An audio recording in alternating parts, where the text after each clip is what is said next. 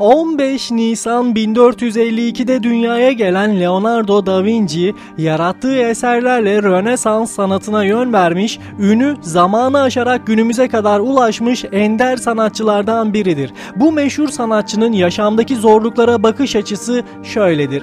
Engeller, zorluklar beni yıldıramaz. Her engel beni daha iyiye doğru kaçınılmaz bir değişime iter. Gözünü bir yıldıza diken kişi kararını değiştirmez. Siz de kendi kutup yıldızınızı bulun ve gözünüzü ondan ayırmayın.